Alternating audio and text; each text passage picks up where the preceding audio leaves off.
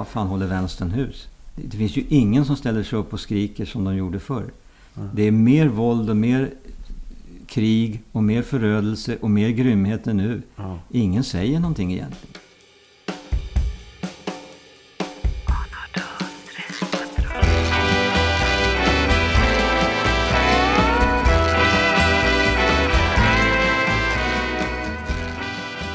One, two, three, four. Välkommen hit Anders F Rundblom. Tusen tack.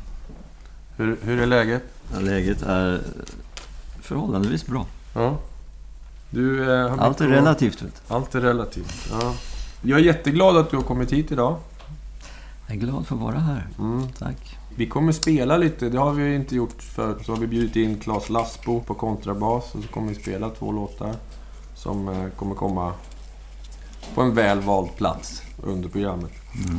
Vi gör som vanligt eh, lite snabbfrågor och sen så går vi igenom vad du har pysslat med sista tiden. Okej.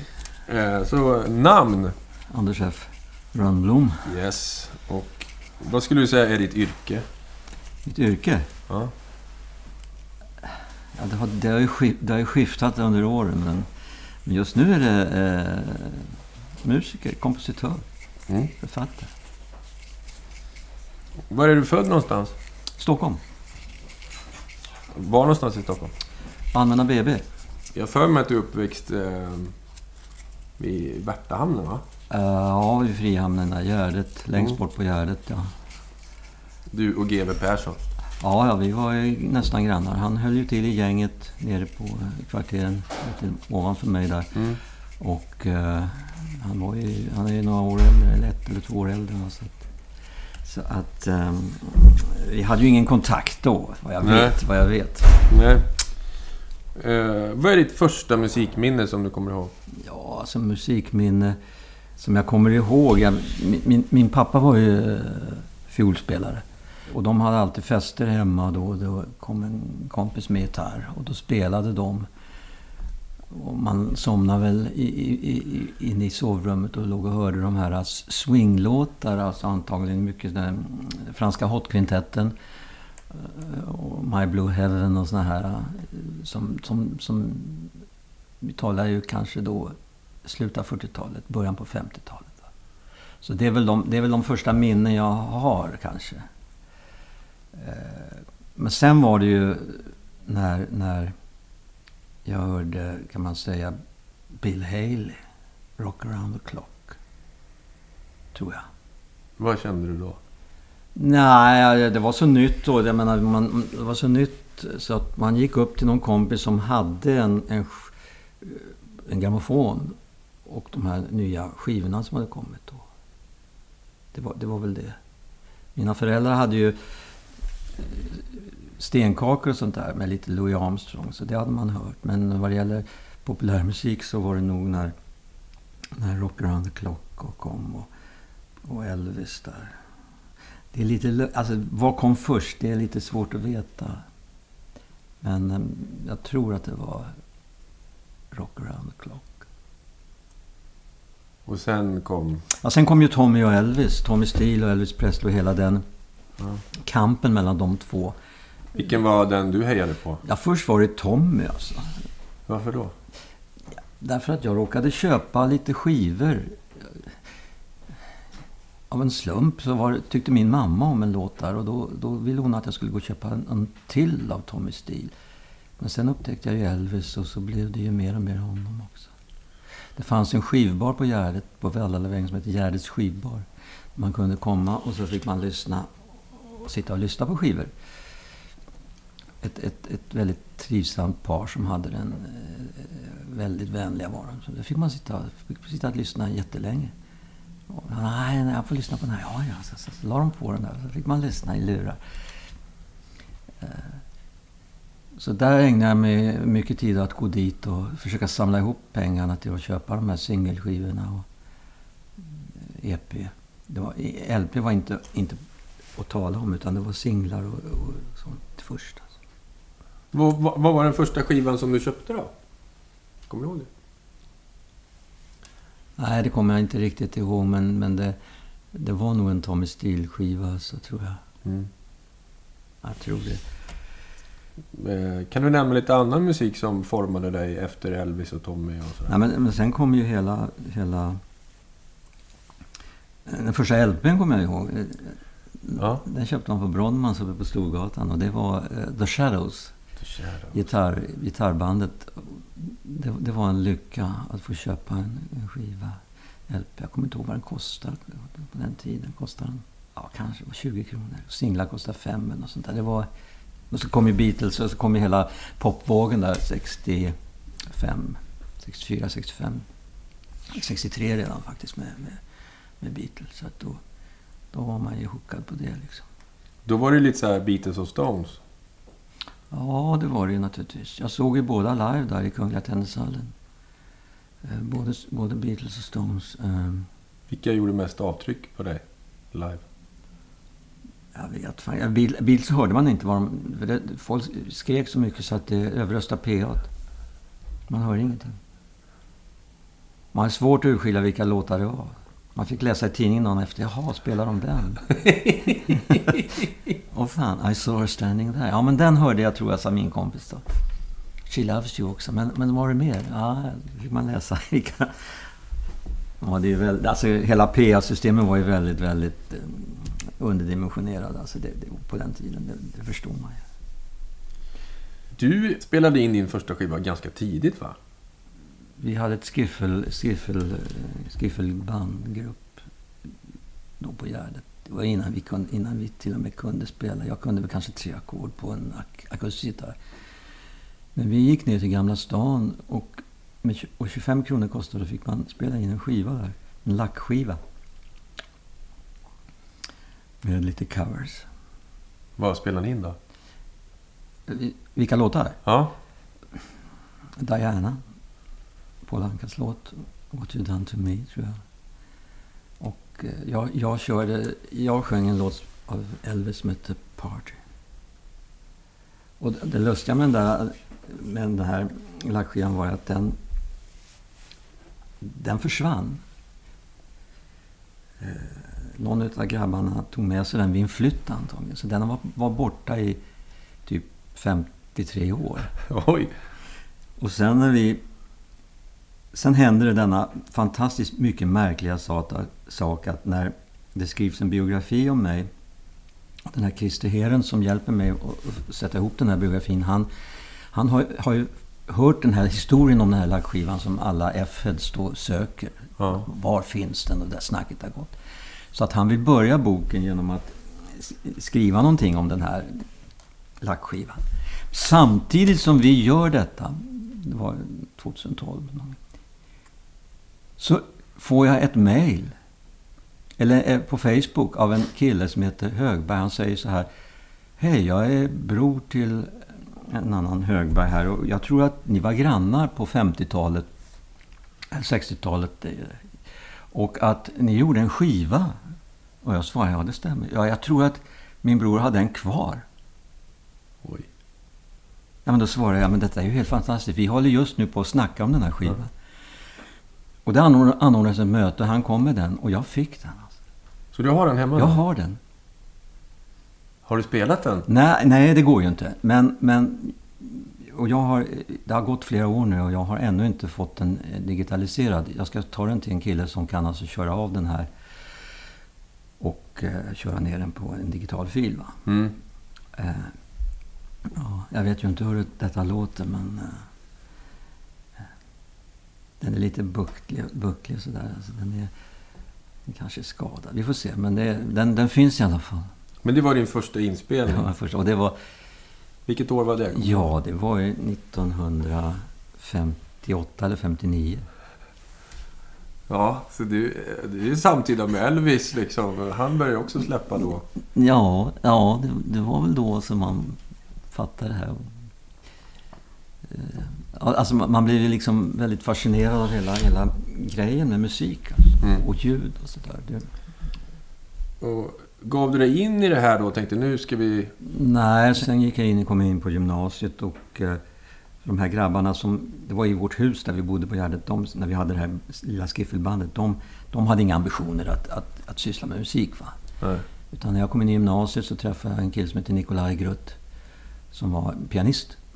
Och, och väldigt duktig alltså, musiker. Alltså han, han var mycket bättre än vad jag var. För jag var liksom, hade börjat att gå in i, i harmonilära och lära mig ackord och sådär. Men vi, vi startade... Vi snackade mycket först och, Ja. och, och skrev lite låtar ihop. Och, och sen så bestämde vi oss för att vi ska nog starta band. För det var ju på den tiden, 63, 64, när alla startade band. Liksom, där popvågen hade kommit. Mm. Så så var det och eh, vi startade väl något, eh, någon liten trio tror jag som hette Anders och Nico. Där vi fick göra en singel på, på EMI 65. Spelar ni ute med det då? Ja, vi spelade lite på studentskivor och sådär och lite på, på ungdomsgårdar. Mm. ungdomsgårdar. Mycket, mycket enkelt. Men, men ja, vi var faktiskt kvartett också ett tag där.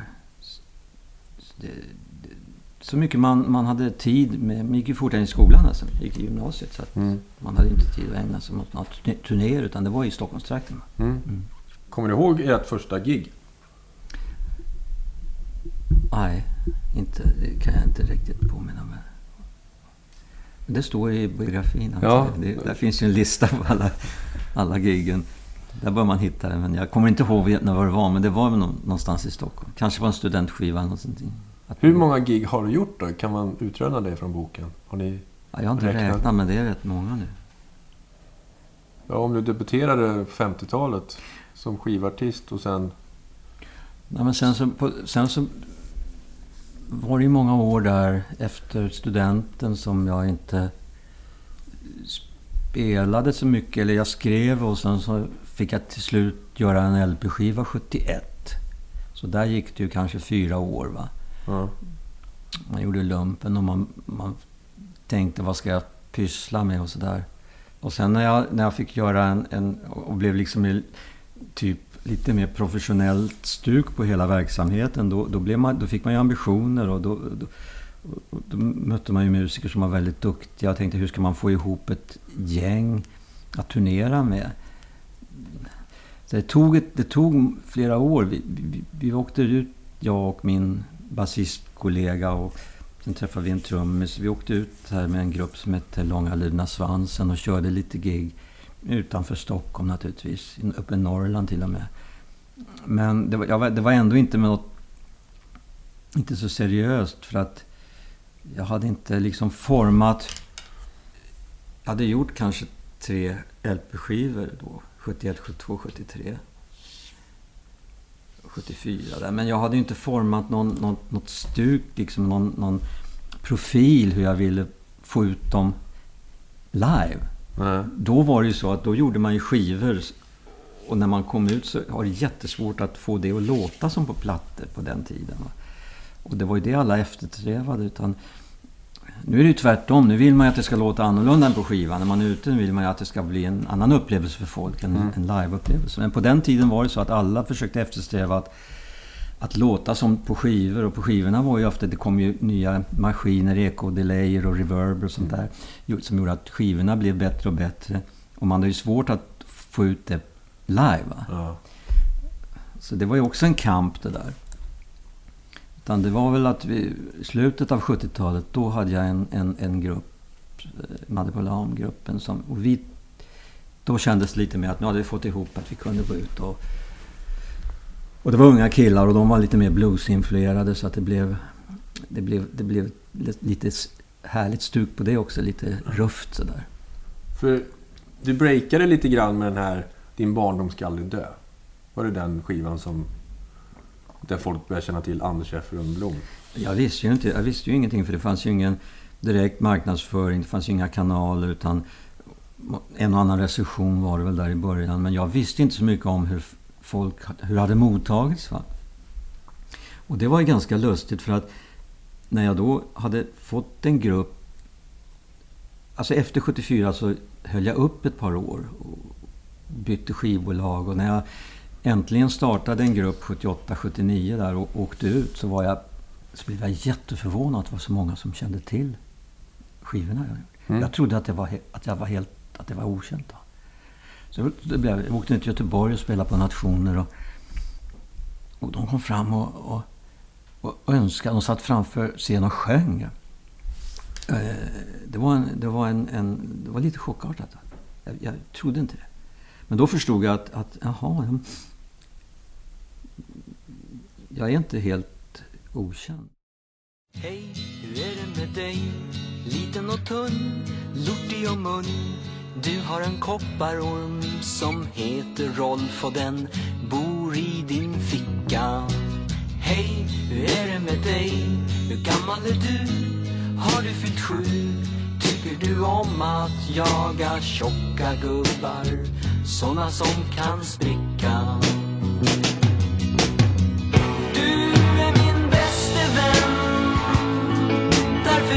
Jag dig en vacker ring som jag har gjort. Ja, som jag har gjort. Gå från by till by. Tala med dem som har svårt att leka. Gå från by till by.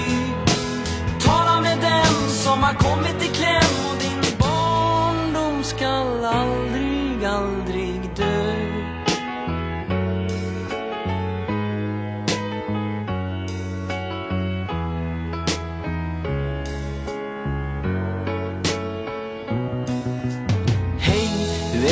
dig? Du är ganska ung, men ändå en kung. Du bor i en bläckburk, har en fin balkong och den vetter mot skogen. Hej, hur är det med dig? Har du fått syn på någon anonym liten prinsessa som har sagt till dig att du är mor?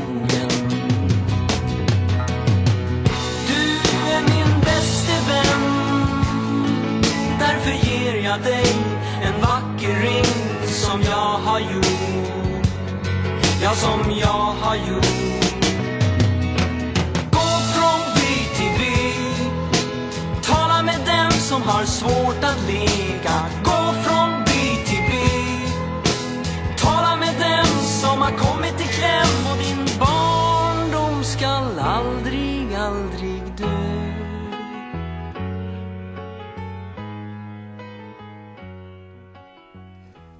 var väl också den första drivkraften där att nu, nu ska jag nog satsa på det här parallellt med min grafiska verksamhet. Att jag skulle försöka eh, komma på ett större bolag. För då låg jag på ett litet bolag där.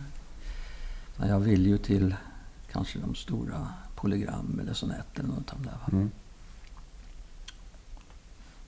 Samtidigt är det ju så också då att då jobbar jag ju med grafisk formgivning och har många skivbolag som kunder.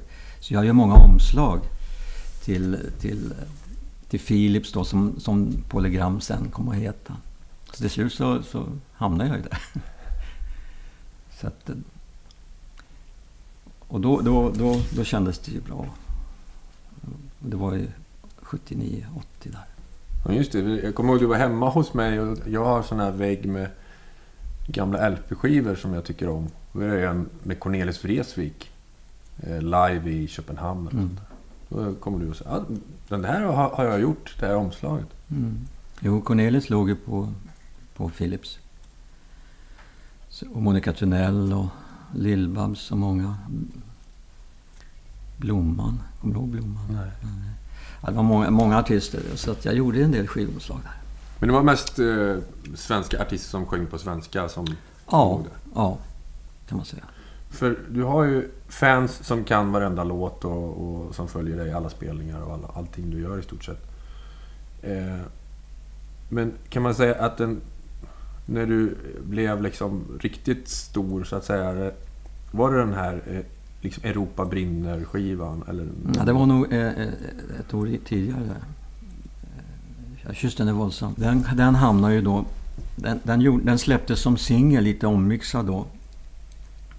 Och... Eh, det, det, var ju, det är en reggae-influerad låt som Ja. handlar om kärnkraftsvalet som var då. Så den var ju lite speciell kan man säga.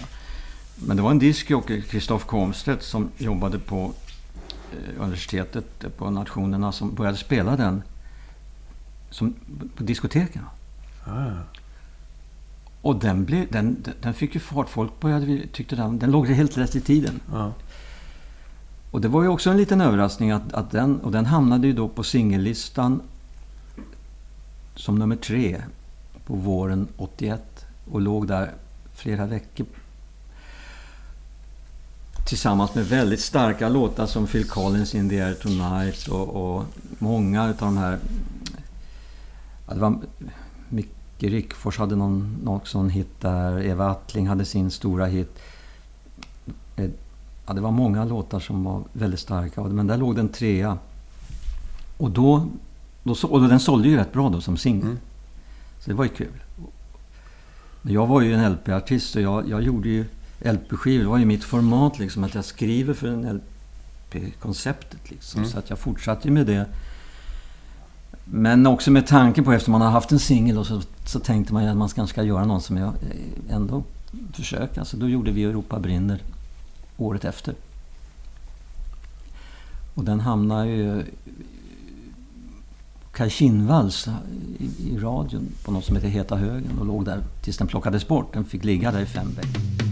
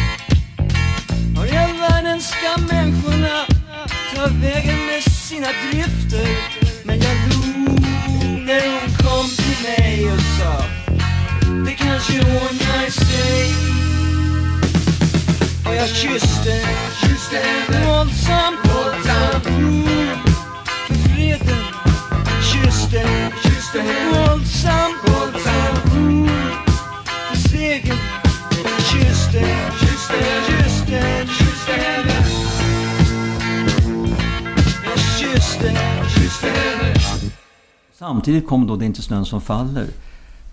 Eh, som jag gjorde. Som slager, tidningen Slager. Det var ett uppdrag eller som du fick? Ja, alltså tidningen Slager bad mig om en... Jag frågade om jag hade någon jullåt som de kunde ge till sina prenumeranter som julgåva första julen. Tidningen, tidningen Slager kom 80. Och redan där... Och då så... Nej, ja, så jag, jag har ingen jullåt. Men jag gick, in, jag gick in i studion och gjorde den. Hur lång tid tog det? Nej, snabbt. Vi, jag skrev den på en kväll och sen så kallade jag ihop mitt band och så åkte vi in i en, en studio. Jag hyrde en studio själv och, och så spelade vi in den två kvällar. Och så gick jag upp till slaget till Håkan Lager där och så, ja, här har du en låt. Ni ville ha en. Och han blev ju tagen på sängen. Åh fan, sa han. Det, det, men det här, ja, det här, det här var ju, oj, vilken låt. Ja. Och sen så, så, så blev det Ebba Grön på andra sidan. och Gjorde också någon jullåt. Och, och, och det var ju kul och då, då hade skivbolaget sagt att de, de skulle få ha den här ett år. Mm. Och, och sen efter ett år skulle vi, de skivbolaget få ge ut den igen. Mm. Officiellt. Va? Mm. Så den kom ut, den kom, det, finns, den kom, det finns två utgivningar alltså. Singlar. Men, och det hände väl inte så mycket mer med den där att den, den förrän filmen kom. Alltså jul, den tecknade filmen som, Ja. som eh, en animeringsstudio ringde och frågade du den här jullåten är ju jävligt härlig. Ska vi, jag vill teckna upp den ruta, alltså hela låten ruta Mm. för ruta. Liksom hela, allt, allt som händer i den här. Jaha, så det, det var ju bra. Alltså. får du göra. Så började de. Och det var alltså ingen dataanimation, det var en vanlig cellanimering. Alltså när man gör olika celler, ritar ruta för ruta och sen färglägger. Och det där är ju killen som gjorde Lennart Gustafsson, som en väldigt skicklig kille, han hörde av sig efter ett tag och sa att nu har vi tecknat upp den här och det är så och så många tusen rutor. Men jag har inte råd att fortsätta. Vi ska ju färglägga, jag har inte råd. Så att det blir ingen film. Ah, synd, tänkte jag. Men, men så, så hörde han av sig efter ett tag och sa jo, vi har fått bidrag från Filminstitutet. Så jag kan, jag kan anställa ett par tjejer som ska sitta och kolorera den här. Då har de fått ett bidrag för- klassat som eh, alltså dokumentär, nej inte dokumentär, eh, kortfilm. Kort. Mm. Så att den blev klar då och eh, var med och skickades till olika festivaler, kortfilmsfestivaler till och med, Oj. utomlands. Så det gjordes en engelsk version av Snön som skulle också ligga som, så att folk skulle förstå vad den handlade om. Men då, då började den att visas på TV. Och då eh, även TV3 och TV4 och så här. Robert Aschberg spelade flera julare i rad. Man hade in band som kör, fick köra cover. Jag kommer ihåg att Mia Kemp och hennes tjejorkester där, de gjorde en, version live. Två år i rad till och med. Och sen, och sen så visades den här filmen, tecknade filmen. Då, då, då, fick den, då fick låten... eh, Då blev den populär alltså. Ja. Så det, det var jättekul. För det är den låten som folk som inte känner till dig vet vilken låt det är. Mm. När, när man ska förklara. Mm. Anders Effrum, jag känner igen, vad är det? Jo, men det är hans snön Mm. som faller. Mm. Ja, ja, ja. Mm. Det är så här riktig household Mm. eh. Alltid kul att spela. Ja, den är ju speciell. Vi har ju spelat den i juni, du och jag också. Det, Ja. det funkar. Alla är glada ändå. Ja, jo, jo. Ja, nej men den, är, den, är, den, är, den har ju energi alltså. Mm. Den har ju energi. Och det är en sån där låt som man, man gör, man gör en...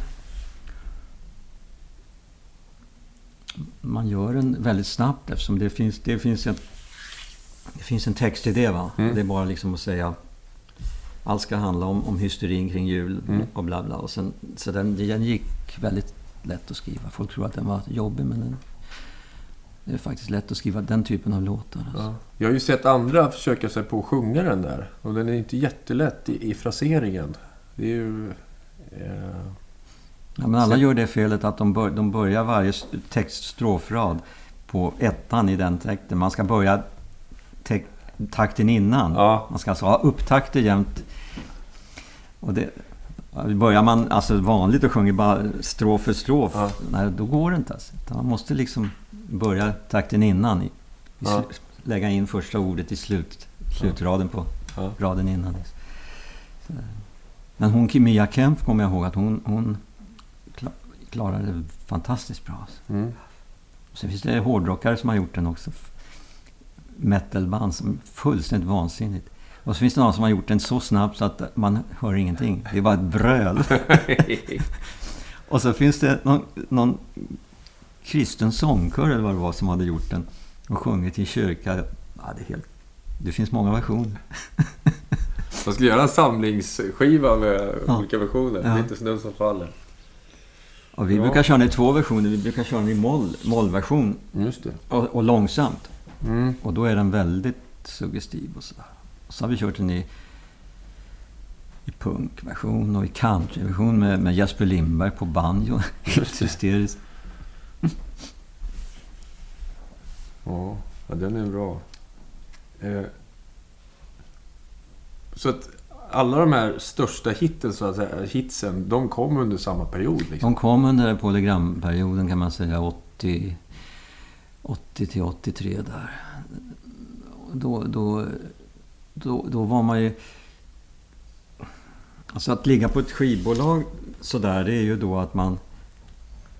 Och, och, och turnera så mycket som man måste göra. Eller de ville att man skulle vara ute och turnera. Vi gjorde ju nästan 100 gig per år i några tre år där.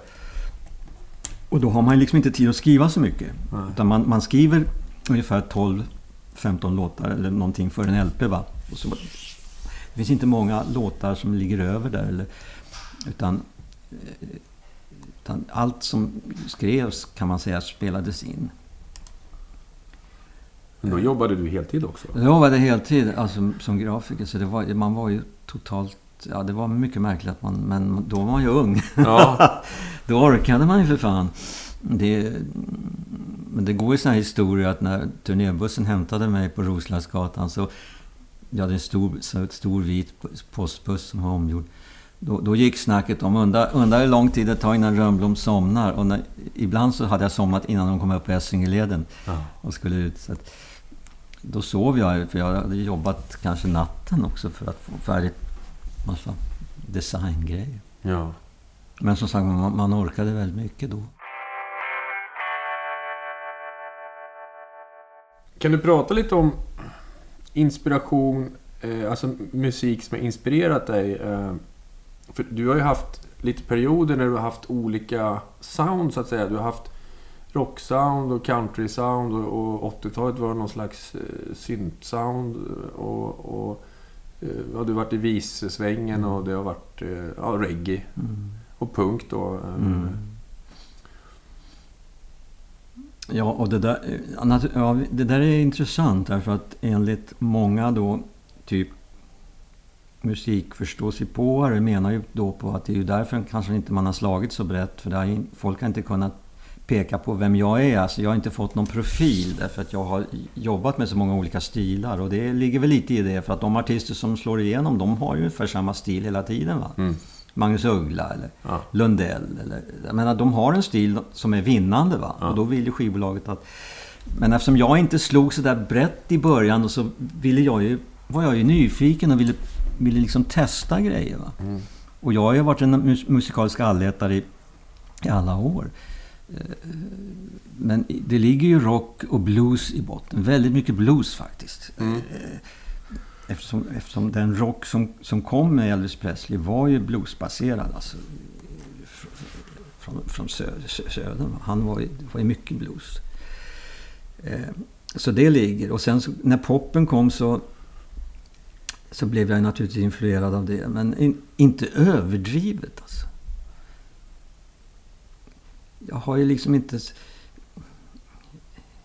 Jag köpte ju inte alla Beatles-plattor, jag köpte bara några. Jag köpte inte alla Stones-plattor, jag köpte bara några i början. När, när Dylan och the, the, the Band och Dylan kom så blev jag väl kanske då väldigt influerad av just den stilen. Men samtidigt då så kom det så otroligt mycket annat. När du säger inspirerad, då finns det inspirerad till att skriva, inspirerad till att lyssna och må bra, inspirerad i text. Alltså det finns så mycket. Ja.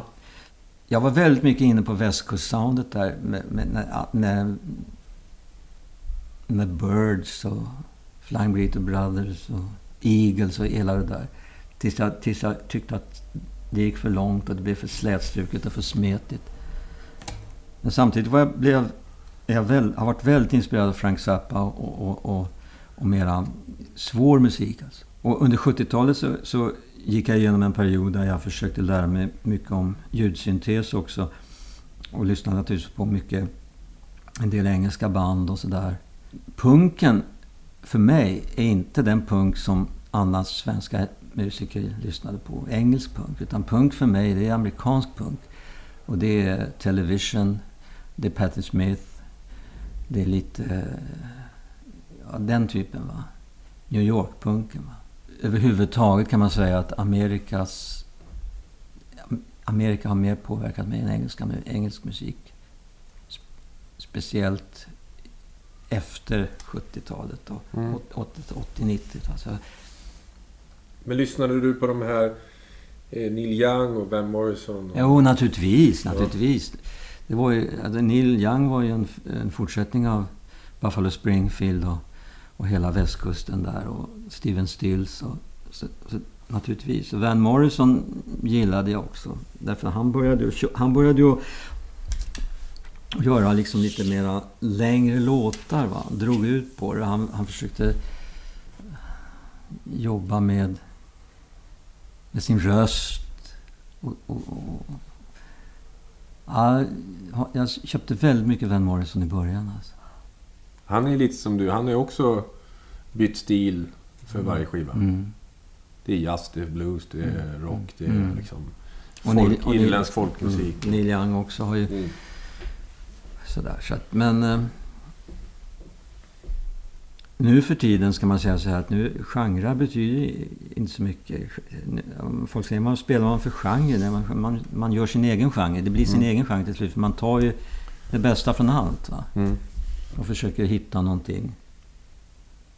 Är det några milstolpar du kan tänka på så här till exempel eh, när ni har spelat in skivor och sådär som du är väldigt eh, glad och nöjd med? Du kan se tillbaka på som du tycker om? Du har gjort så eh, hemskt många skivor. Ja, alltså man, man, har, man, har inte, så- man har inte så mycket minnen direkt. Allting flyter samman. Man är, man gör, milstolparna är egentligen lite annorlunda. Milstolparna är de här, de här händelserna som sker som betyder att man har tagit ett stort steg och att någonting har hänt. Hade man inte gjort det så hade man inte varit där man är. Mm. Och, och det finns ju typ Så Nej. musikaliska möten eller? Ja, alltså när jag hade lagt av 80, 80 där. Jag hade jobbat i många år och turnerat. Och var ganska... Eh, gruppen upplö, upplöstes den vi hade och jag hade köpt en dator, en Macintosh, 85 när den kom. Och blev väldigt fascinerad av att sitta och, och formge grejer, logotyper, märken och eh, på datorn och sådär. Så jag, och eftersom hela min grafiska verksamhet har blivit lida, lite lidande under åren jag hade turnerat så fokuserade jag på det. Va? Och då kom jag också in på lite med syntar, att sitta och, och försöka lära mig det då. Eh, men och då träffade jag Jesper Lindberg på en visfestival och då började vi snacka om att kanske göra någonting igen. Alltså, och då hade jag blivit så less på syntmusik också. Jag tyckte det inte gav någonting. Alltså, bara sitta. Jag hade gjort en platta där och jag tänkte jag, men sitta och programmera.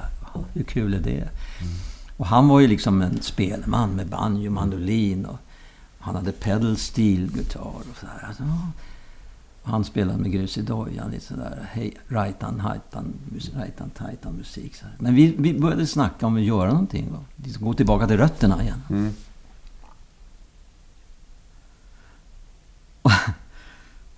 Och då, då, och då är det klart vi ska göra en platta då. Ja, och då, var ska man hamna då? Och då händer det en, än en gång att jag hamnar på ett skivbolag där jag gör omslag till. För tredje gången faktiskt. Och det är då Björn Håkansson på Håk som jag har hjälpt. Så går vi dit och så säger han, ja men det här gillar jag, det här ska jag göra. Och då får vi göra ett par plattor där. Och det är en milstolpe, för hade inte han sagt det där så är det inte säkert att man hade kommit någonstans. Mm. Okej, det är första milstolpen med Björn Håkansson. Ja. Sen går 90-talet och jag eh, startar en tidning, en designtidning, konsttidning, internationell, som jag ger ut och blir väldigt fokuserad på det.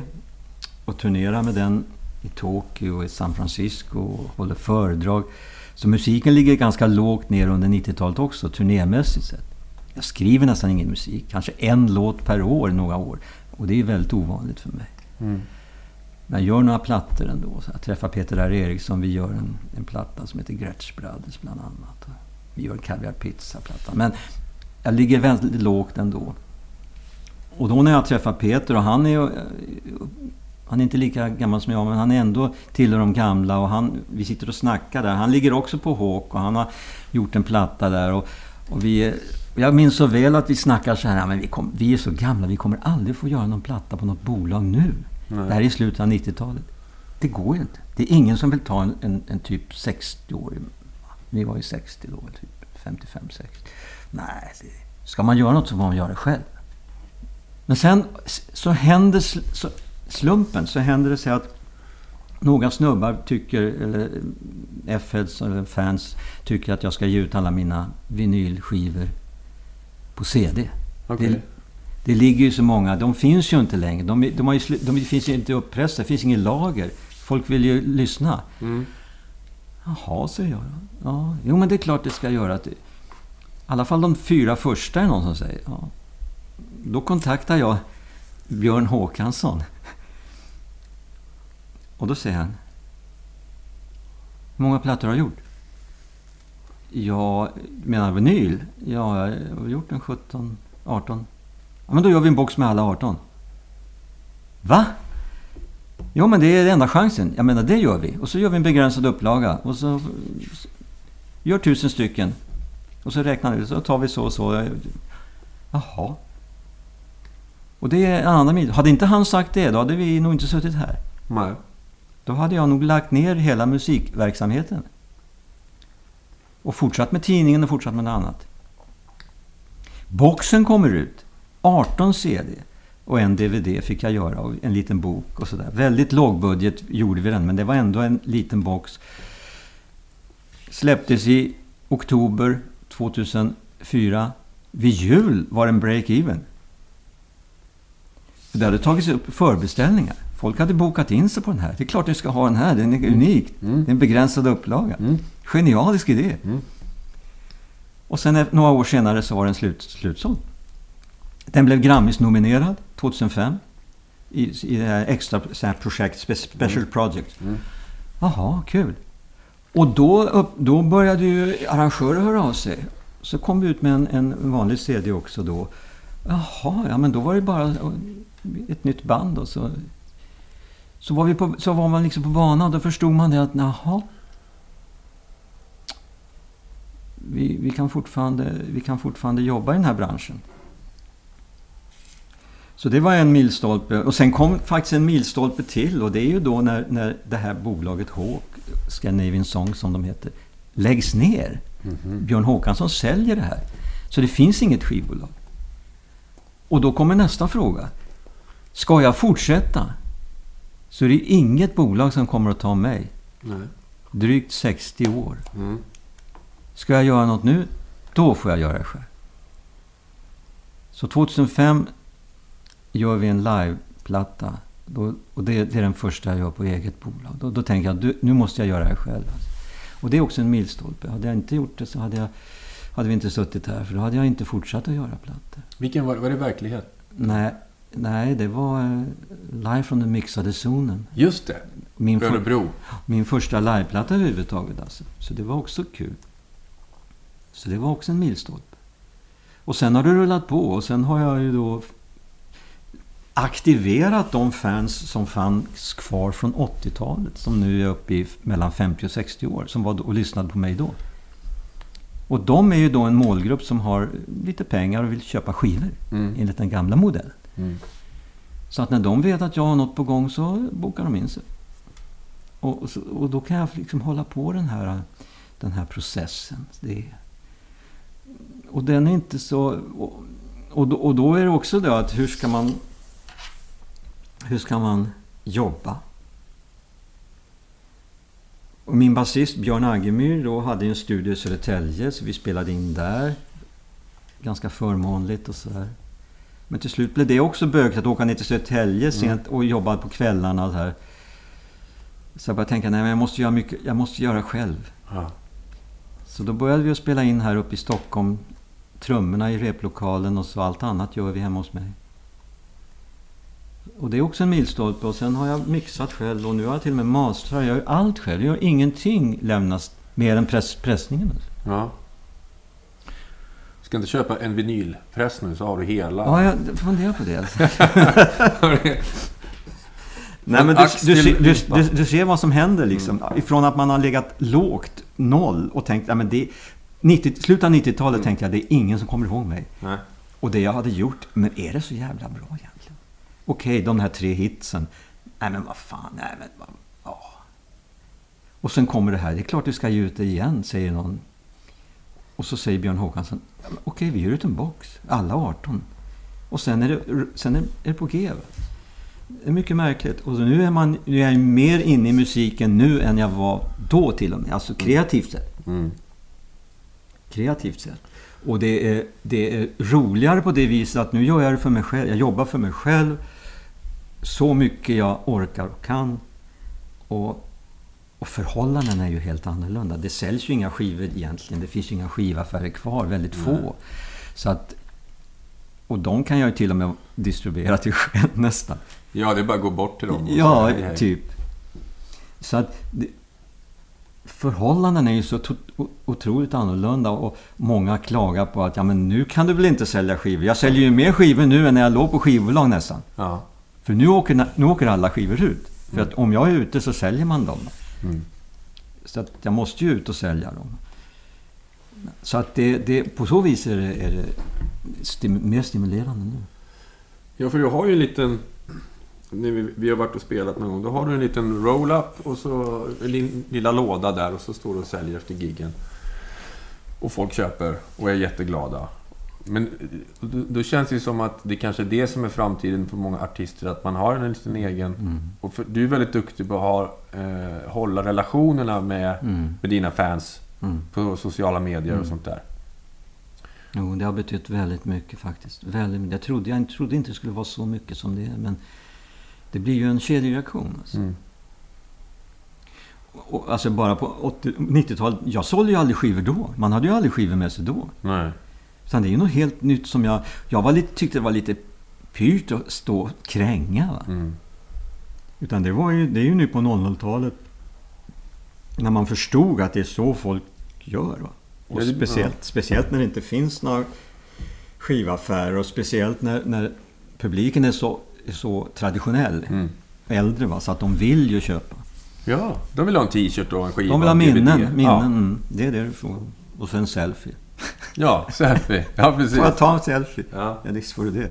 Vill blomma på en sommaräng var gjord av guld och snö Lyckobubblor och konfettiregn Likt ett snårigt nät Likt spökspindlars väv Likt en lek om liv och död I ett timglas rinner tiden bort som en genväg genom världen. Vem tar ansvar för att ett liv blir kort? Likt en hög av sand.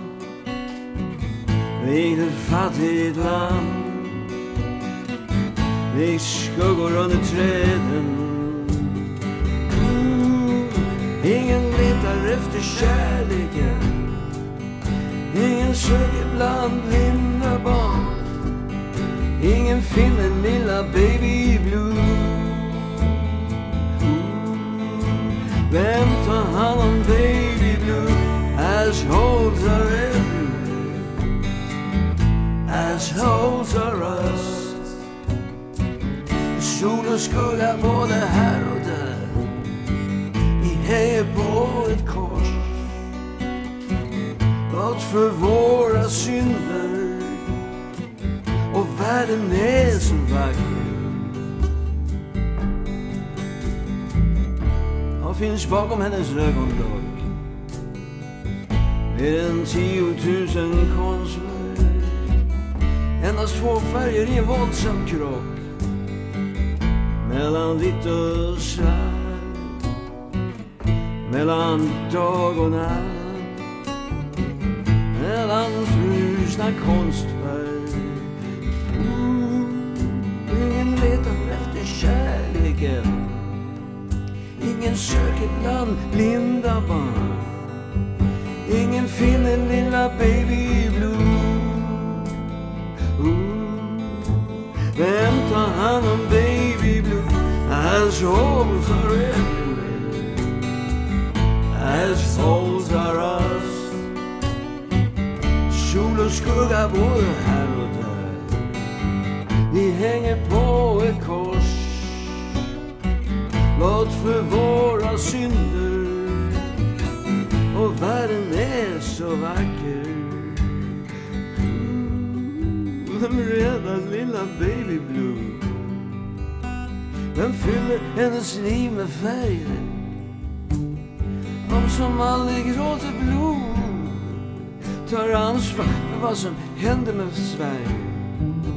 De som gömmer sig för kärleken. De som glömmer sina blinda barn. Ingen finner lilla baby blue.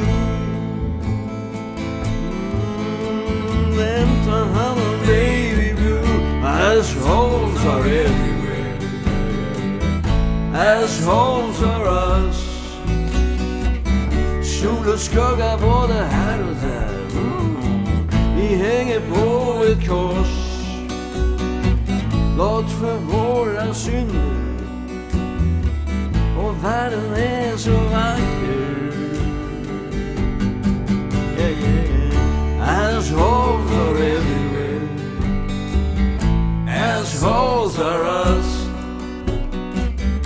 Sol och skugga både här och där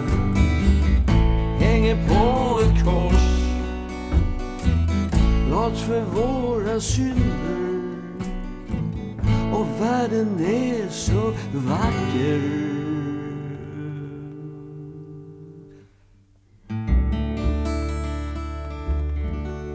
Vad är det roligaste gigget du har gjort då? Under de här åren? Alla gig är roliga. Ja. Vilket är det bästa då? Det De måste... flesta är väldigt roliga, men det är svårt att säga. Därför att eh, det, det band jag har nu har haft i snart ja, drygt 10-12 år. Eh, en väldigt hög jämn kvalitet. Så att musikaliskt sett så är det oftast väldigt eh, intressant att, att, att se vad, man kan, vad bandet kan göra när man kör typ en låt för 50 70 gången, 100 gång. Och det där har ju också betytt mycket att, att jag har ändrat min, min syn på musiken under, under de här senare tio åren kan man säga. Och, och vad det beror på om man har blivit äldre och man har fått en helt annan syn på hur man ska framföra musik. Det, det kanske är så, men jag tänker mer som jag tror jazzmusiker tänker. Att 1, 2, 3, 4, sätt igång och spela och få se vad, vad som händer. Va? Va- Inte vara så, inte vara så bunden vid arrangemang och tradition, att det ska, traditionellt ska låta på ett visst sätt. Jag har blivit, blivit mer och mer triggad och, och, och inspirerad när folk bryter mönster. Va? Någon gör något oväntat, att det händer någonting i musiken. Och jag har ju rätt många låtar som är väldigt fria där, man kan, alltså- där, där musikerna kan få sväva ut Ja. i långa... Det kan hända grejer. va. Och då blir det också en fin uppblandning mellan de här mera traditionella countryrockarna eller bluesrocken eller, eller visrocken eller vad man ska kalla Och sen gör vi de här mera som, som, som kan bli väldigt fria. Va? Du har en låt som heter eh, Osårbar som kan vara 7 minuter eller 25 minuter. Ja, det har, på- hänt, det har hänt uppåt, i alla fall uppåt 20 vet jag. Och, och det där är någonting som... De, de gångerna det händer sånt, då, då, då, de tycker jag är väldigt bra. Och nu har ju folk blivit så vana vid att det kommer att hända såna här grejer. Så att många utav publiken, de här trogna fansen, Ja. de kommer, det finns ju några som har sett oss uppåt 80, 90, 100, en- 100, 100 gånger också. Ja. Men de kommer ju bara för att få höra den här annorlunda versionen av en låt. Mm. Och det, det är kul tycker jag. Och de gångerna när, när det funkar sådär, då, då är det är de bästa konserterna. För att jag har ju sett dig att när du ska skriva dina låtlistor att du är väldigt noga med att ja, men, det här spelade vi förra gången, då måste vi in med någonting nytt. Och här ska vi ändra och, Mm. och sådär. Så att det inte blir samma sak som förra gången. Ja, är, ofta när jag, om jag ska tillbaka till ett ställe så Mm. går jag alltid in och ser hur var setlistan förra gången. Ja. Så att man, man kör lite nytt. Mm. Det, det gör jag ju naturligtvis. Och, För det finns ju några låtar som fansen ofta önskar. Mm. En som heter Stofé Expandyl eller något. sex. Ja, det är en sån där låt som de ropar. Ja, ja. Kör den liksom. Mm. Och det gör du ibland. Ja, ja. ja men... men eh, För de här riktiga F-headsen liksom, Mm. brukar de önska, de gör de listor och skickar till dig. Vi önskar att du ska spela det här och... Ja, det händer väl ibland att de gör det. Att vissa har gjort det. Men de sitter... De, det finns ju ett gäng i Stockholm när vi spelar på Blidösund. De, sitter, de har ju sån här träff på ett öl, ölställe i Gamla stan först. Och då sitter de och gör... Bettar lite vilka låtar Rönnblom ska köra. Ja. För då vet de att där, kom, där på Blidösund brukar det alltid vara en överraskning. Där tar vi in låtar som aldrig har kört. Och då sitter de... Fan, den där. Sagan om Sven, när kommer den? Alltså, det finns en låt som heter Sagan om Sven, så det går ett snack om... Den kommer aldrig att spelas. Men jag ska spela den. Ja, jag var ju med lite och spelade med dig under... Det kunde komma tio nya låtar till ett gig. Och åtta var fantastiskt bra. Man säger, men hur många låtar har han liksom? Du kan ju kasta upp och så är det så här någon Rockabilly with a hard on, kungarike. Men bara, fan, varför spelar vi inte de här varje gång? mm. Liksom. Men, eh, eller eh, den här, min favoritlåt som heter eh, Arbetarbarn. Visst älskar jag dig och dina arbetarbarn. Ja, fantastisk låt. Och Billys... Räntan på Isabella. Alltså det, det finns så mycket bra musik och så fina texter och låtar. Men varför, varför blev inte de liksom... Europa brinner stora liksom? Det kan man ju undra. Det kan man ju undra, men det är, så, det, är, det är många artister som har gjort väldigt mycket bra som aldrig blir... eh, Som slår, som slår publikt sett. Mm.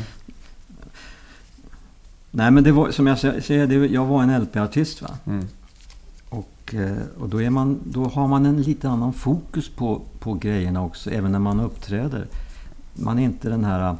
Jag har ju aldrig varit den här liksom... För att använda ett ord, frontman. Ja. Alltså jag har inte varit den där entertainern som går Nej. fram och liksom... Här kommer jag, lyssna Ja. på min senaste singel. Wow. Utan jag, jag, och jag har ju alltid jobbat med grupp. Ja. Jag har alltid haft en grupp bakom mig som har varit en enhet med mig. Inte så att jag hyr in studiomusiker som kan kompa mig. Men jag har alltid haft en grupp som har varit ett med mig. Mm. Så att jag kan jobba ihop med dem. Jag, trummor är väldigt viktigt. Har alltid varit viktigt. Trummor, bas.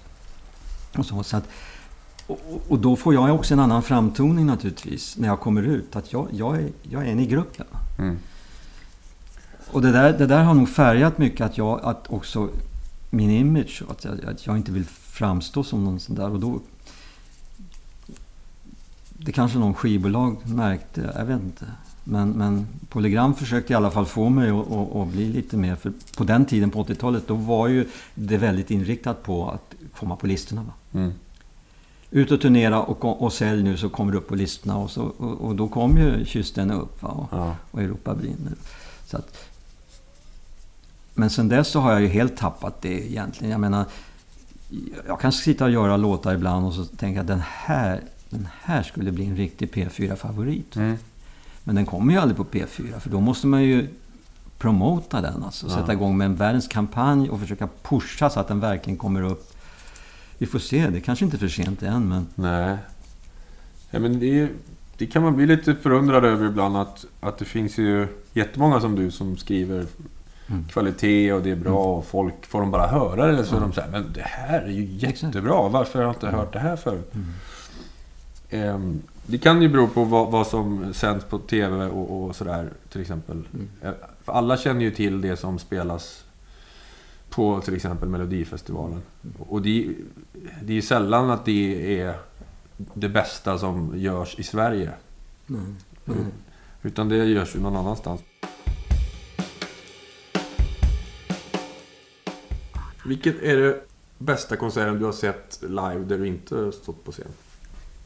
Ja, det, finns, det finns en del konserter som är otroligt bra. Man ska inte jämföra. Jag har svårt att jämföra saker jag såg Mm. för 30 år sedan med, med nu. Men, men när jag såg Wings, Paul McCartney och Wings på Gröna Lund. När de kom och slog, det var 25 000 på Grönan. Som slogs bara några veckor efter med Bob Marley tror jag. Men, men när jag såg Paul McCartneys grupp där, det var en otroligt bra konsert. Eh, då körde de ju Wings-låtar och bandet var fantastiskt. Sen körde han också Beatles-låtar med Wings. va. Och då hade man ju inte hört dem på flera år. va. Man bara, wow.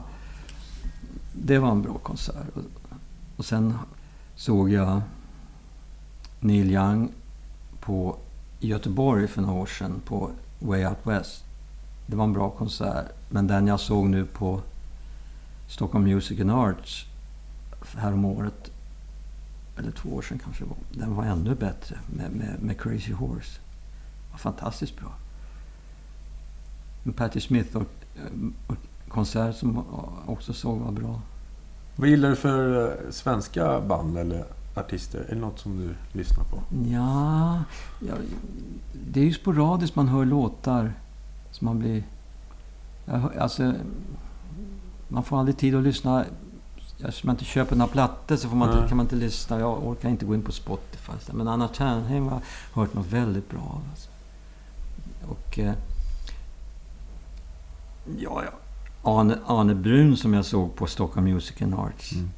En konsert. Var grymt bra. Hon hade två trummisar tror jag. Och det, det började liksom så mastodontiskt. Ja, det, var, det var verkligen bra. Hon har något. Hon har något, absolut. Ehm. Eh, vad- heter han, den här nu? Dungen. Har jag lyssnat Ja, på Dungen lite. bra. Ja. Lite- Det är kul. Och, men men man, man får inte ro att lyssna på så mycket svenskt egentligen. Du har ju samarbetat med ganska många. Ja. Ja. Någon som har ringt dig. Hjälp mig skriva klart den här låten. Eller vi behöver låtar och sådär. Nationalorke- national, heter det? Nationalteatern Ja. gjorde ju väldigt bra. Mattias Hellberg tycker jag om. Mm. Det gjorde jag eh, för länge sedan när han gjorde en, en platta som jag fick av honom. Vi spelade tror jag på, på Rocket Sea-båten. Och då fick jag en platta av honom. Och den var fantastiskt bra. Så det lät... Det var, det var Stones-aktigt. Otroligt tufft. Och, sen så hade han en, en basist. En ung kille som spelade fantastiskt bra bas. Ja, då, där, där jag tyckt om. Eh. Och sen finns, alltså, det finns lite udda sådana här band som man inte... Man har hört... Jag, man, man, man bara liksom får ett namn va. Ja. Man, de, är inte okända, de är helt okända men... Det var något som hette... Vad fasen hette de? Det finns ett band- Malmöband som heter Rag and Bone. Som jag har lyssnat på lite. Som spelar liksom amerikanamusik, lite traditionell.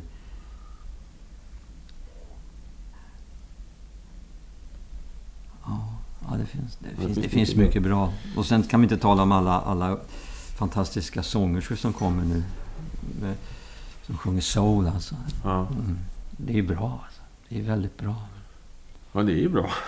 Men man, ork, man, man, man, man, man Håller man på själv med musik så, så begränsar man sig lite, lite. Man, man kan inte ta in allt som en konsument. Va? Man, kan, man kan ta in och lyssna på, ja men det där måste jag lyssna på. Mm.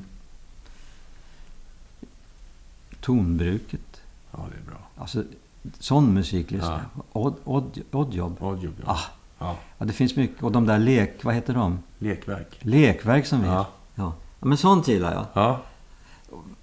För det ger, det ger mig någonting alltså. Det ger mig någonting. Eftersom då, det, för det, det är liksom inte, det är någon genre som man inte riktigt vet va. Mm. Jag menar, och är det jazz, är det fritt eller vad fan är det? Blandning, hybridmusik. Mm. Det gillar jag. Mm. Det håller jag med dig om, Anders. Ballroom Band är väldigt bra också. Tack så mycket, Anders. Tack. Men ni är ju ett, ni är ett, ni är ett, ett, ett modernt dansband alltså. Ett, som folk dansar till och Mm. mår bra va. Mm. När ni kör live. Live, live är eran grej alltså. En fråga som jag ställde till Nicke Ström. Eh, finns det någon bra högermusik? Någon bra? Högermusik som kommer från höger, alltså moderat eh, rock. Finns det som är bra? Ja, det finns det om jag visste vilka, det, vilka som är höger och... Menar, menar du någon som propagerar för höger? Vi hade någon eh, tes att de flesta musiker och de som håller på med kreativa saker tänker med hjärtat och har Mm. kanske svårt att ställa upp på att spela. Ja, det finns säkert jättebra. Jag tror det är många, många människor som, som, eller musiker som, som, som röstar, röstar borgerligt om man säger så. Ja. Som spelar musik. Det är absolut, det är jag helt övertygad om. Men, men, men när, du, när man snackar höger-vänster som det var förr. Jag menar när, när, när musiken betydde att man tog ställning för någonting. Mm. Så är det ju inte så längre. Mm. Så att det har jag jättesvårt att säga. Mm. Tror du att det skulle behövas ett nytt tältprojektet? Eh, Ja, jag tycker, jag, tycker jag frågar ibland vad fan håller vänstern hus? ja. Det finns ju ingen som ställer sig upp och skriker som de gjorde förr. Mm. Det är mer våld och mer krig och mer förödelse och mer grymheter nu. ja. Ingen säger någonting egentligen. Mm. Man säger, man, säger, man twittrar lite om, om att, att det, men när man förr, Förr då, var det, då blev det ju ramaskri om ett land gjorde, gjorde någonting som... Jag menar, så jag tycker, jag tycker nog att... eh, Har vi tappat det helt? Ja, vi har tappat väldigt mycket alltså utav... utav och- jag tror att det måste till en, en, en, en, en katastrof. Ja. Någonstans som vi blir berörda av här. Och den kommer nog här i landet. Ja. Jag, jag tror det nu. I och med, att, med, med flyktingkrisen och, och eh, jag tror svenskarna måste vakna upp. För du, du gjorde någon låt på någon av dina senare skivor som är Vilse i Reinfeldtland. Och eh, där tror jag många kan känna igen sig, även om det inte är Reinfeldtland just nu. Men Mm. det är ändå en frukt av, av det som har hänt de sista 8-10 åren. Ja, det har ju förändrats väldigt mycket. Folk har ju blivit otroligt cyniska. Menar, och politikerna är ju så... Ibland så förundras man ju av om det inte behöv, behövdes en, en slags test för att bli politiker. De verkar ju otroligt naiva och okunniga om, om hur folk lever. Alltså. Ja. Och så står de och, och, och snack, snackar floskler. Alltså.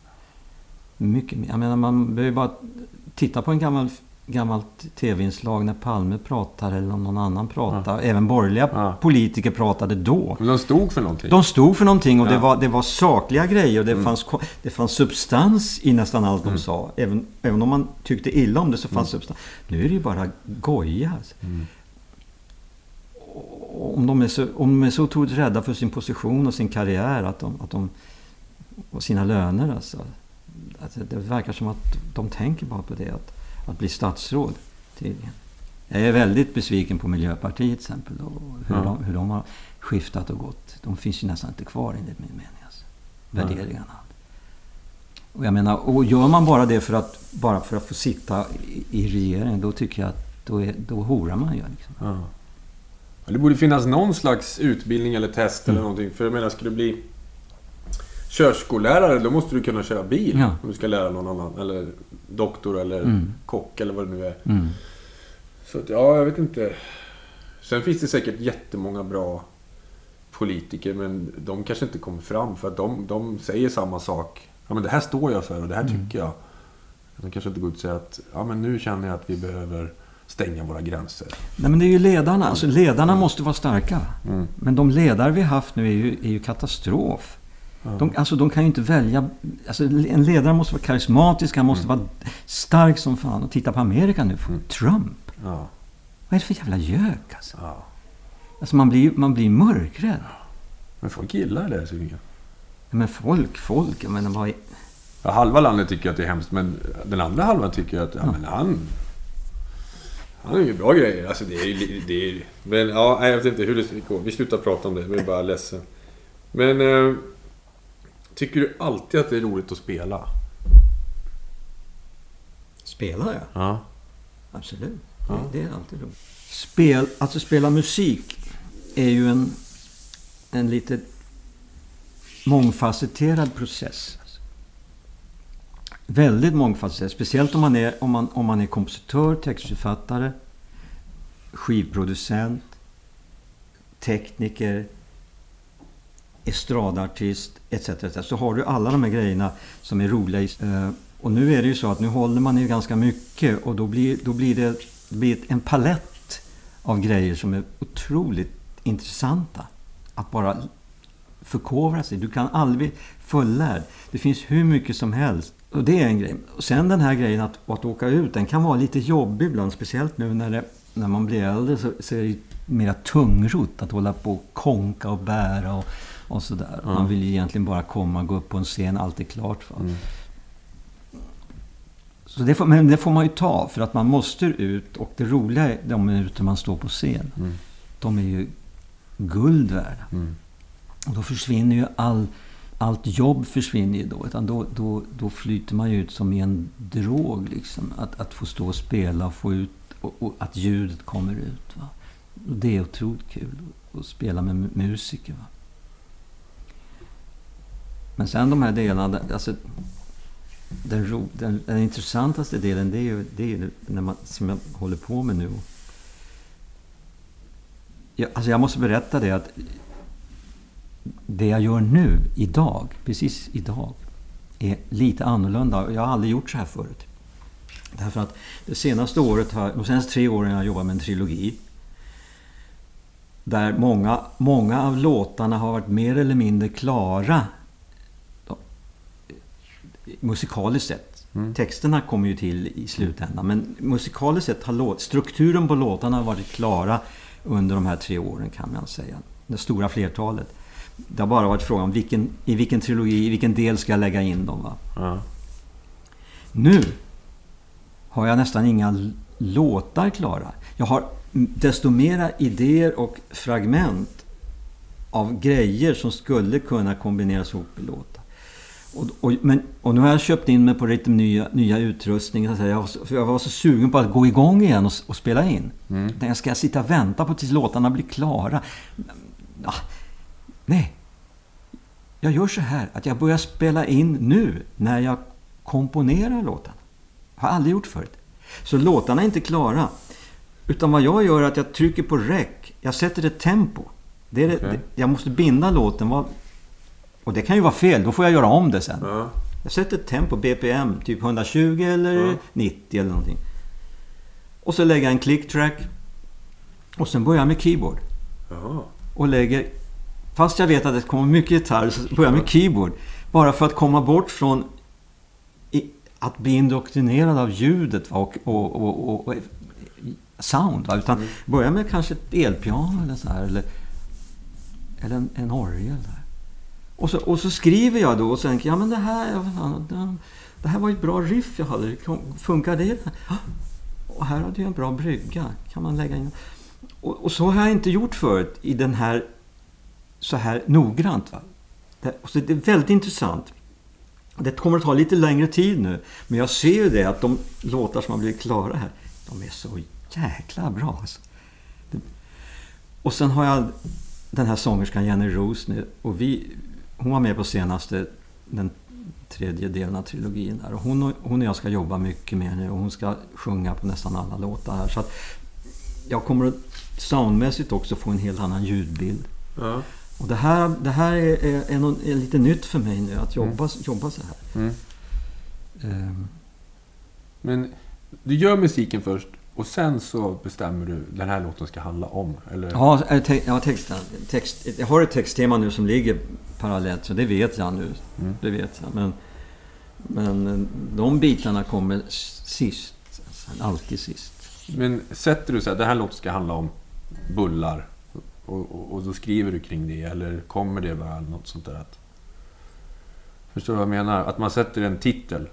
Är det så du gör? eller? Ja, ibland. Ja. Ja, ja det, det. Det är lite blandat. Men musiken kommer alltid först. Är det så för Ja, musiken kommer alltid först. Ja, ibland har jag lite text, text. Jag har skrivit lite texter, Ja. typ som är i, i, i strofform. ja. Och Då kanske jag hittar en melodi som dem. då. Men, men, men för det mesta så är musiken klar. va? Eh, Att, att, men så, så okej, så har det varit.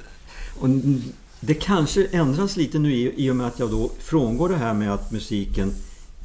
Alltså låt, låtarna är klara. De är ju inte riktigt klara. Så att, jag är i någon slags gränsland nu när jag liksom jobbar med mycket med, med poesi. Så det, det, det har du rätt i. Alltså jag kanske får revidera den uppfattningen om att musiken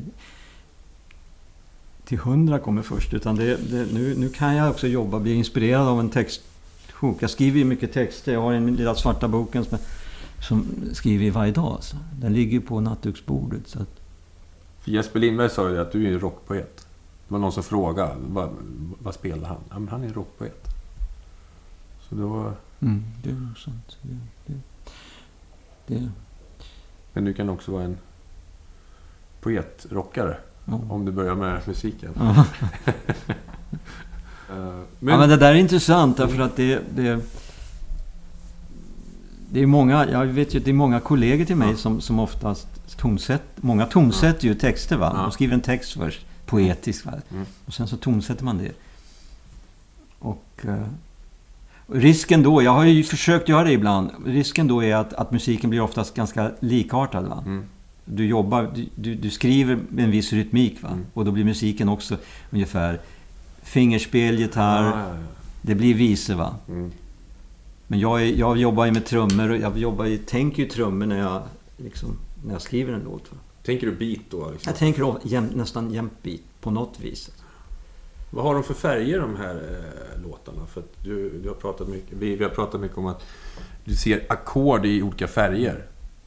Vilket jag också kan tänka mig ibland. Att, Ja, E-dur, eh, eh, E- E-dur som jag jobbar mycket i, E-dur. Eller E, E är brunt alltså. mm. Och A är rött. Det har alltid varit så. C, är det gult eller? Vilket? C. Alltså C... C nej.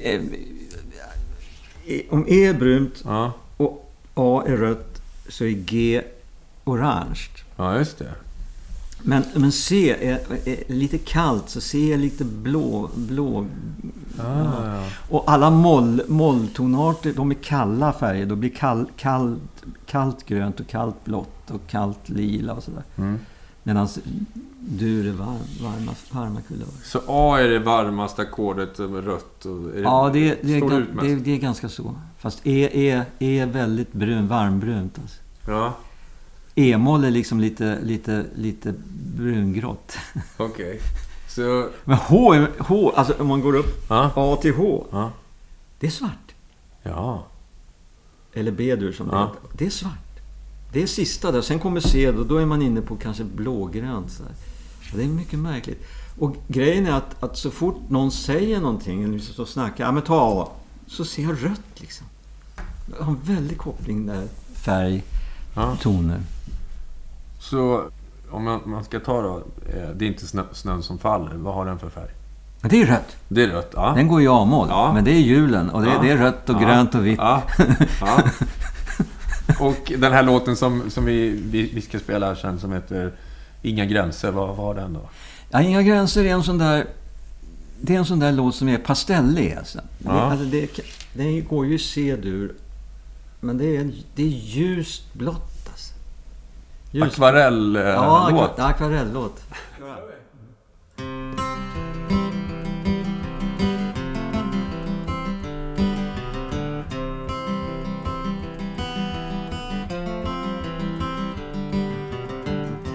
Fishing Det finns ingen galenskap eller något sunt förnuft. Ty alla värderingar just blivit ett. Ett som är dig och mig. Det finns ingen idioti. Ingen kallar sig längre geni. Ty alla värderingar just blivit ett. Ingen vet var ingenstans tar vägen. Alla vet var någonstans är. Långt där uppe, där ute, där stjärnorna dansar och glänser, där finns inga gränser. Nej, nej, nej.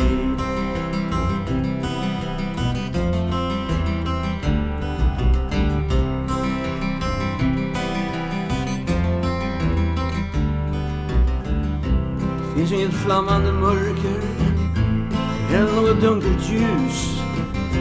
Ty alla värderingar just blivit ett. Ett med dig och mig. Det finns ingen färglös sanning. Ej heller någon fager lögn. Ty alla värderingar just blivit ett. Ingen vet var ingenstans tar vägen. Alla vet var någonstans är. Långt där uppe, där ute, där stjärnorna dansar och glänser, där finns inga gränser. Nej, nej, nej.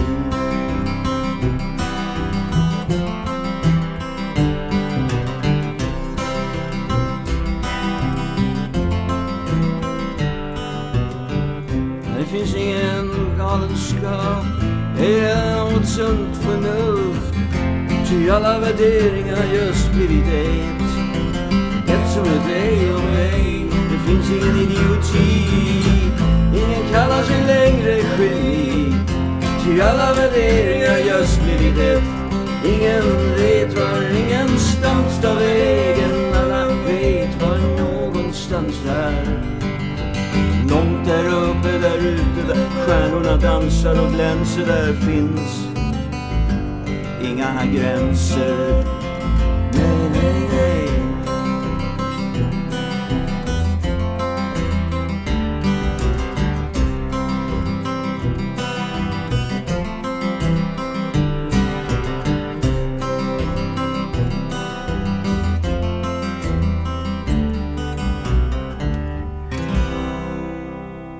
Vad har du framåt nu då? Nu ska du göra den här skivan. Ja, ja, nu, alltså det här är ett stort projekt som innefattar också en konstutställning. eh, Som jag inte ska avslöja för mycket av. Men jag, det bygger mycket på något... Ett, alltså låtarna bygger mycket på någonting som relaterar till något som jag har gjort i konst också. Ja. På flera sätt. Så då tänkte jag kanske göra så att jag eh, försöker samordna det här så att man någon gång 2017 gör en utställning och att, att, att det samordnas med den här plattan kanske. Ja. Men du, du, du har väl... För du, du fyller ju jämnt i år. Har du några planer för det? Nej, Inget? nej. Ska inte hyra någon, något flygplan och åka jorden runt och spela? Nej, nej, jag vet inte. Det är så... 100 F-heads i ett eh, Boeing 747. Ja, Och kanske. spela Rio, New York, eh, London, Paris. Ja, kanske man ska göra. Jag vet inte. Om det är någon som hör det här som vill sponsra den här Ja. resan så Ja. hör av er. Ja. Nej, nej, men alltså det där med ålder. Att, att jag vill bara... Alltså nu är det så, nu är det så shaky alltså över, över världen så att man vill fan inte åka någonstans. Man, man vill, det, det, det smäller ju lite överallt. Alltså, Ja. Varför ska man åka liksom? Vi får se vad som händer. Vi får Mm. se. Har du några sista ord då? Nej, sista ordet. Sista ordet är inte sagt. Nej, men just i den här. Nej, men alltså grejen är ju att nu, nu, nu gäller det att göra grejer. Mm. Man, har inte, man kanske har tio... Jag menar, hur länge kan man hålla på hålla på så här? Man hopp, hoppas man är, var frisk. Va? Ja. Och, och sen hålla på... Ja, grejen är att det har ju blivit så mycket enklare att göra grejer nu. Förr så... Jag menar, skulle man göra... ett- ett- Plocka fram grejer. Jag Ja. menar, skulle du bara spela in i en replokal. Fick ju sätta upp grejer. Och, och, och, och, du vet, pula. Ja. Men nu är det så lätt. Du kan ju liksom bara...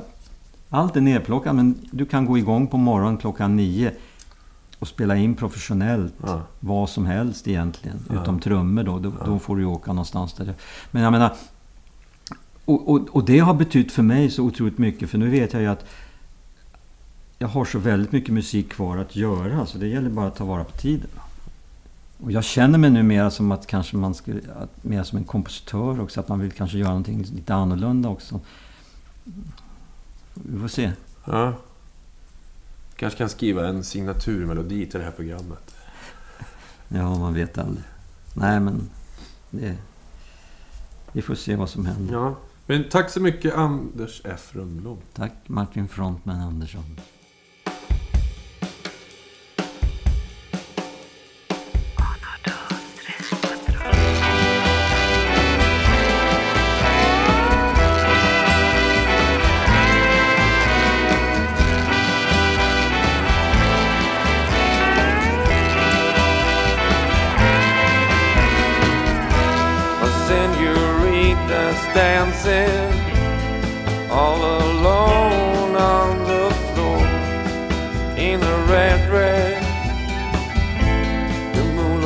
In